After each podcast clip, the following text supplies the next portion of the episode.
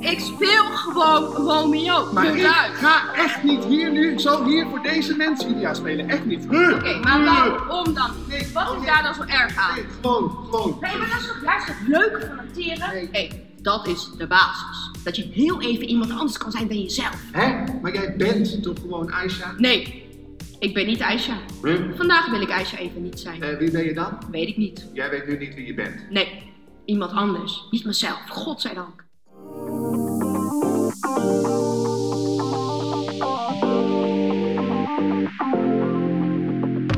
Je luistert naar Alles wat theater is, de podcast. Deze podcast is gemaakt bij de voorstelling Alles wat theater is van toneelgroep Oostpol en Theater Zonnevang. En waarschijnlijk heb je deze voorstelling gezien met jouw klas. Dus wellicht luister je nu ook deze podcast met jouw klas, of ben je op weg naar huis op de fiets, of zit je thuis op de bank. In deze podcast gaan we samen met drie jongeren dieper in op de belangrijkste thema's uit de voorstelling. Mijn naam is Tinny Taylor en ik doe dit samen met mijn eigen T-crew, Timme, Tara en Tijl. Fijn dat jullie er weer zijn. In de vorige aflevering hebben we het gehad over identiteit en de verschillende labels die je hebt. En het feit dat die labels ook weer kunnen veranderen en dat daardoor je identiteit ook verandert. In deze derde en laatste aflevering gaan we het hebben over hoe deze identiteit tot uiting komt. Wanneer ben je jezelf en wanneer speel je eigenlijk een rol? En ben je in het echt anders dan op social media? Ik wilde eigenlijk nog even terug naar de voorstelling. Alles wat theater is. Twee acteurs spelen Romeo en Julia. En er ontstaat ruzie over wie Julia moet spelen. We hebben het gehad over de labels en de identiteiten die daarmee te maken hebben. Ik wil jullie nog één stukje laten horen. Hoe kun jij je voorstellen dat je een jongen bent uit Italië die verliefd is op een meisje, want dat ben jij nooit geweest? Oké, oké, oké. Misschien ben ik geen verliefde jongen van 16 Nee, geweest. nee. Maar ik ben toch wel verliefd geweest. En daar gaat het toch om. Dan kan ik me toch ook wel voorstellen hoe het is om Julia te zien. Zo daar op die stoel. Dan, dan, dan, dan zo helemaal hot en alles. Ik bedoel, dan voel ik dat toch? Of, of ik ken dat gevoel, dan kan ik dat toch opzoeken? Of niet? Het is 2021. Denk jij dat ze hier in de war raken als ik Romeo speel en verliefd ben op Julia? Ouwe, misschien hè, misschien was Julia ook wel gewoon geen meisje. Who cares? Speel gewoon Julia. Timme, de vorige twee afleveringen gingen vooral over hoe de samenleving jou ziet en welke labels de samenleving op jou plakt. Maar ik wil het deze aflevering hebben over hoe jij jezelf ziet en hoe jij je gedraagt aan de hand van jouw labels. We hadden het de vorige aflevering heel kort even over een andere rol aannemen. Neem jij wel eens een andere rol aan dan dat jij bent? Heb je dat gevoel? Ehm, niet vaak. Maar ik, ik denk dat je soms als je in een groep bent eh, eh, waar, je, waar je je niet thuis voelt, dat je, dat je wel een andere rol kan aannemen. Is dat moeilijk eigenlijk? Eh, nee, in ieder geval, ik vind het niet moeilijk. Ja, het, het kan moeilijk zijn, maar Want het belangrijkste is toch eigenlijk dat je moet, ja, je moet mensen eigenlijk voor de gek houden. Zodat ze niet doorhebben dat jij een rol speelt. ja, ik denk dat, het, eh, dat als mensen je niet kennen en ook niet de moeite doen om jou te leren kennen, dat het vrij makkelijk is om zeg maar niet eh, gepakt te worden. Ja. Dat mensen het niet doorhebben. ja, het is makkelijker om bij vreemden een rol te spelen Ja. dan bij mensen die je goed kennen. Ja, en, en ook bij mensen waar je niet jezelf wil zijn natuurlijk. Ja, klopt dat, Tijl? Misschien wil je wel populair zijn of eh, stoer zijn, maar als dat betekent dat je je eigenlijke ja, personaliteit moet opgeven, dat, eh, dat veel mensen dat, die stap niet nemen. Ja, dat Nee. je jezelf moet onderdrukken en dat is Ja, denk ik niet zo'n heel erg fijn gevoel. Een hele andere rol. Ja, precies. dat ja. je, ja dat, als je dat elke dag moet doen, dat lijkt mij echt heel erg vervelend. Ja. Ja. En als we het hebben over die labels waar jullie het over hadden gehad in de eerste afleveringen. Op welke plek ben jij nou helemaal jezelf? Op welke plek kun jij nou helemaal al die labels zijn en wat je maar wil zijn? Ehm, ik denk in mijn vriendengroep als we samen wat gaan doen en bij mijn moeder. En jij, Timme? Waar ben jij echt helemaal jezelf? Ehm, ik, ik denk dat je als persoon meerdere persoonlijkheden hebt. En daardoor eh, bij je ouders heel erg jezelf kan zijn, maar ook bij je vriendengroep, maar dat je gewoon anders, anders bent. Andere labels komen naar boven. Ja, andere labels komen naar boven. Ja. Wat ik dan wel bijzonder zou vinden, ik zou dan wel bijvoorbeeld een fly on the wall willen zijn. Als jij met je familie dan gaat avondeten en als jij met je vrienden gaat eten ergens in een restaurant. Welke timmen zie ik bij je ouders en welke timmen zie ik dan bij je vrienden? Welke label overheerst meer bij je vrienden? Eh, grappen maken. denk ik. Ja, ook, nou, dat doe ik eigenlijk ook bij mijn ouders. Ehm, Maar misschien andere grappen? ja, andere grappen sowieso wat groffer, denk ik. Oké. Eh, maar ik ben ook bij mijn ouders ben ik wel grof. Oh. Eh, maar, maar bij mijn vrienden denk ik nog wel wat Nog- meer. nog groffer. Ja, ja. ja. en bij mijn ouders, het ligt er ook aan bij wat voor soort vrienden hoor. Ja. Sommige vrienden ben ik ehm, denk ik wat minder snel na. En of dan zeg ik, zeg ik wat, wat sneller dingen zonder er echt over na te denken. En bij sommige vrienden denk ik er langer over na. En Ja. eh, En jij, Tijl, op welke plek ben jij helemaal jezelf? Familie. Maakt niet uit wie van mijn familie. Dus ze zijn allemaal echt fantastisch. En eh, ik ben echt mijn meest zelf daar. Ja. Dus dan ga ik vast nooit zijn met, eh, met vrienden. Maar eh, voor mij is familie priorit prioriteit één. En daar kan ik ook echt mezelf zijn. Is dat het belangrijkste? Dus de plek waar jij jezelf kan zijn, is dat de plek waar mensen je het gevoel geven dat je jezelf kan zijn? Of waar jij jezelf kan zijn? Wat is dat toch? ik denk dat toch wel mensen je een gevoel moeten geven. Dat je Ja. jezelf kan zijn. Ja. Denk ook. Ja, daar thuis hoef ik geen eens dat gevoel te hebben. Het is gewoon zo... Het is er gewoon. Ja, het is er altijd geweest. Maar het is toch een bepaalde sfeer die maakt dat jij jezelf kan uiten. Ik bedoel, als je ouders je altijd slaan bijvoorbeeld, dan lijkt het me niet echt de sfeer om. Ja, dat is waar. Dus het moet toch wel een bepaalde sfeer hebben dat je jezelf kan zijn. Ja. Misschien, het, misschien iets met oordelen, dat je het gevoel hebt dat mensen niks gaan zeggen, maar dat je alles kan zeggen zonder dat mensen.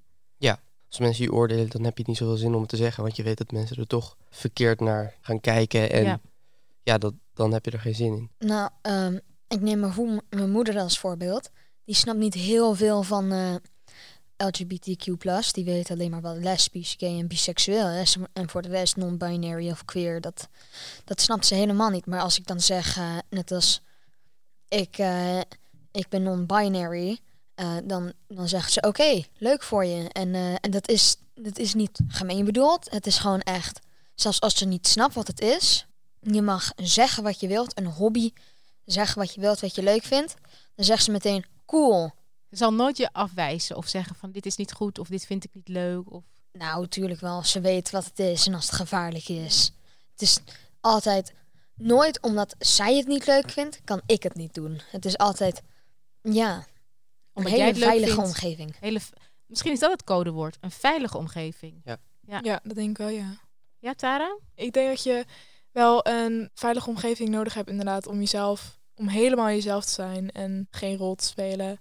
En dat ook niet nodig te hebben ehm, om jezelf veilig te voelen dan. En op welke plekken ben je nou helemaal niet jezelf? Bij eh, een deel van mijn familie, denk ik. Ehm, omdat ik soms gewoon bang ben dat ze dan ehm, dingen van me denken of teleurgesteld in me zijn. Of nou ja, ik weet niet. Het zit waarschijnlijk gewoon in mijn hoofd. Maar En wie ben je dan wel helemaal jezelf? ehm, bij mijn nicht, mijn oudste nicht. En eh, waarom alleen maar bij je moeder en je nicht als, dit, als je dit niet al te privé vindt? Ehm, ja, het is niet alleen bij hun, maar het is gewoon minder bij de rest, denk ik. Zij snappen mij gewoon het beste. En natuurlijk heb ik ook een hele goede band met mijn vader en mijn broer. Alleen daar voel ik me gewoon, ja, gewoon een andere dynamiek, denk ik. Ja, precies. Oké. En Tijl, op welke plek ben jij niet helemaal jezelf? Dat eh, moet de middelbare school zijn voor mij. Want ehm, ik heb drie jaar in Maleisië gewoond op een internationale school. En ehm, dat is van eh, wanneer ik vijf tot acht was. En wanneer ik terugkwam in groep vijf, toen, eh, toen was ik ook weer in internationale school. En daar valideren ze respect heel erg. En ehm, als je elkaar een slechtere woord noemt, dan, dan word jij echt zo heel, heel raar aangekeken. En dan moet je zelfs misschien eh, naar, de, naar de docent, juf of meester gaan. En dan word je echt goed aangesproken.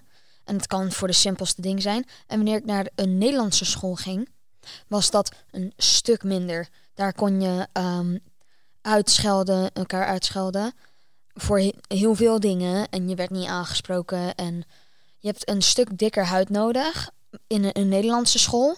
En dus daar moest ik me echt heel erg aanpassen, vooral het eerste jaar.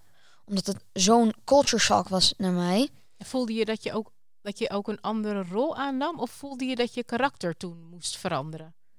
Ehm, ja, mijn karakter moest gewoon echt veranderen. Want eh, zij gingen niet veranderen. Ik moest veranderen om erbij te horen. Want anders...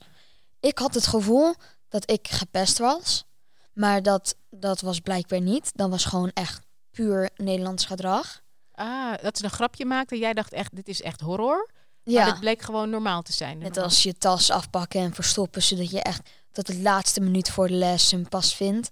Dat, eh, dat is redelijk eh, geinig nu.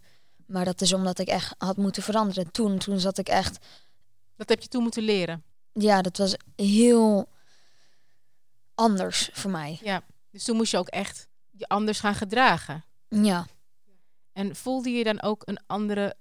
Als ik nou met Tijl zou praten op een internationale school... en Tijl op een middelbare school... zou ik dan twee verschillende karakters spreken? zeker. Daar was ik vast ook ehm, een stuk eh, meer open, meer zelfvertrouwen. Daar in het eerste jaar was dat zeker weggegaan. Me- je ik- had meer zelfvertrouwen op de internationale school... Ja. waar het strenger was, ja? Eh, niet per se strenger. Gewoon respect was. Je werd geaccepteerd hoe je was. En hier word je heel snel gecritiseerd. En eh, dus mijn zelfvertrouwen was heel erg naar beneden gegaan. Omdat eh, als je iets deed, net als ehm, eh, zingen als een jongen, dan zou je echt. Dan moest je echt uitkijken van wat je zei. Anders zou je gecritiseerd worden. Ja. Dus dan is het eigenlijk de ongeschreven regels die gelden op een bepaalde plek. Daar pas je je dan ook aan, op aan. Ja. En hoe voelde dat? Als we nu zouden zeggen, nou, je gaat weer een maandje naar die internationale school. Zou je dan weer zo veranderen? Zo. of heb je nu weer te veel meegekregen van de Nederlandse middelbare school dat je ook... Ik zou zeker wel een weekje nodig hebben om weer te schakelen. Ehm, daar was ik vast ook een stuk vrolijker. En ehm, ik zou wel iets langer dan, eh, dan een paar dagen nodig hebben.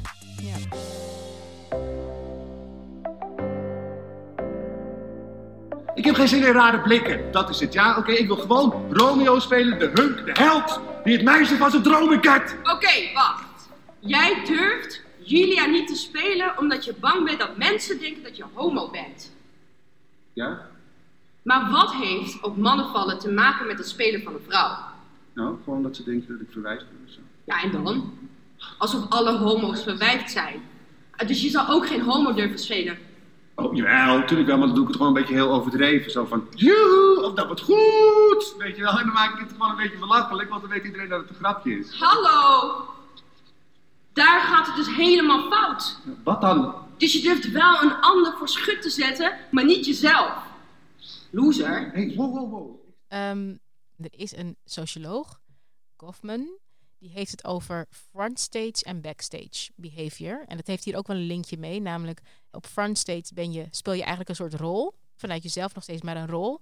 En backstage dan kan je helemaal jezelf zijn.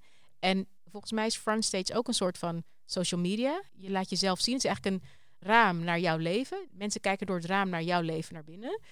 Wanneer stond jij voor het, heb jij voor het laatst die frontstage rol gespeeld?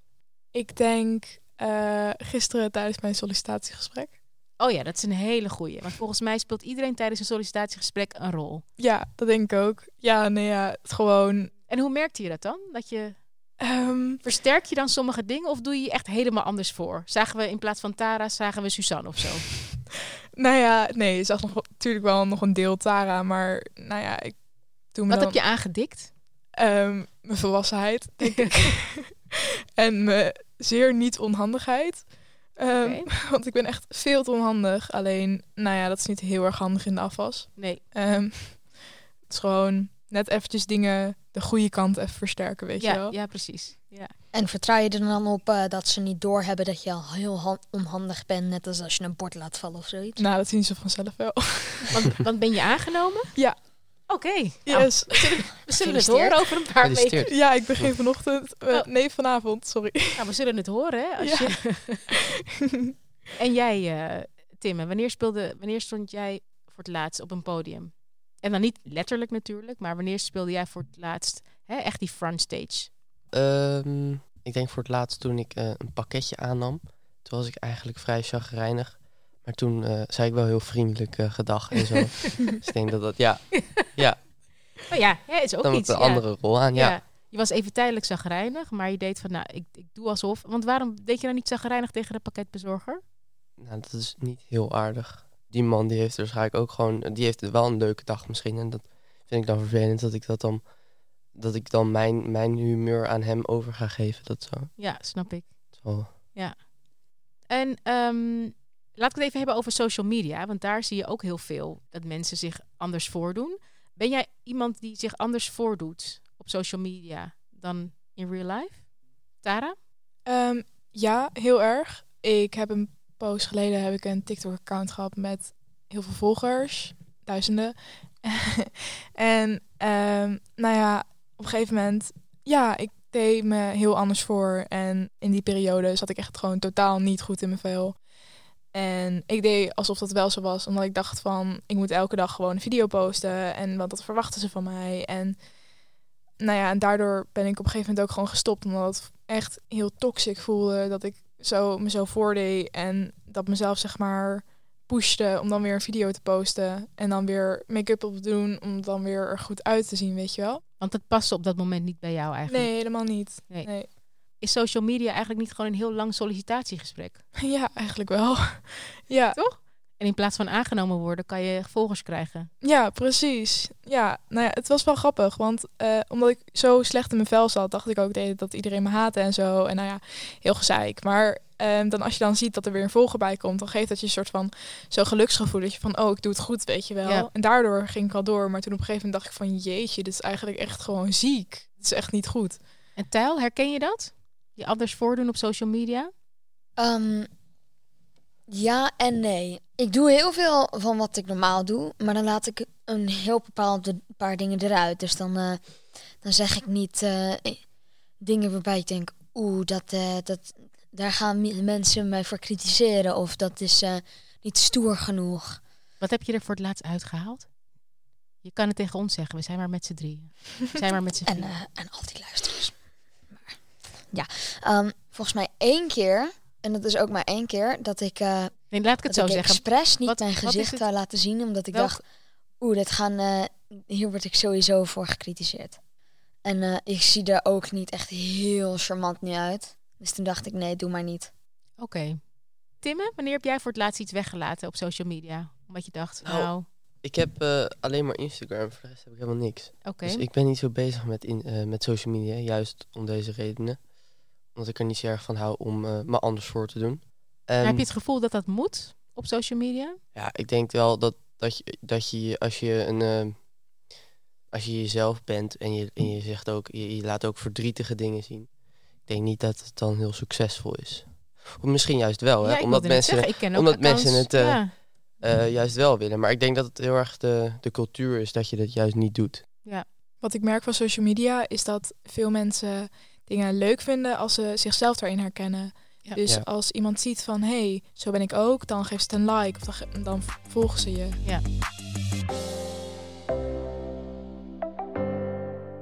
Oké, tot slot. Over twintig jaar zitten we hier weer aan deze zwarte tafel.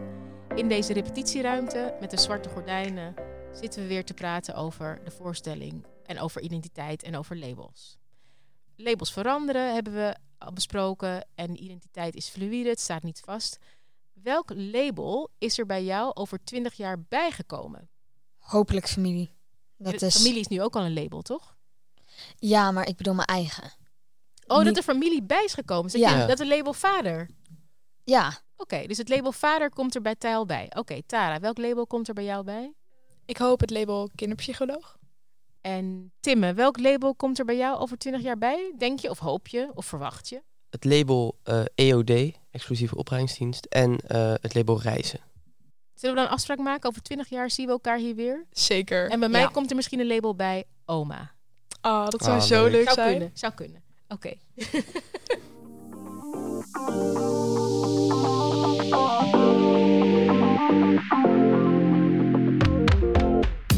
luisterde naar Alles wat theater is, de podcast. Wil je nou meer informatie over de voorstelling of over de onderwerpen waar we het over hebben gehad in deze podcast? Ga dan naar oostpol.nl.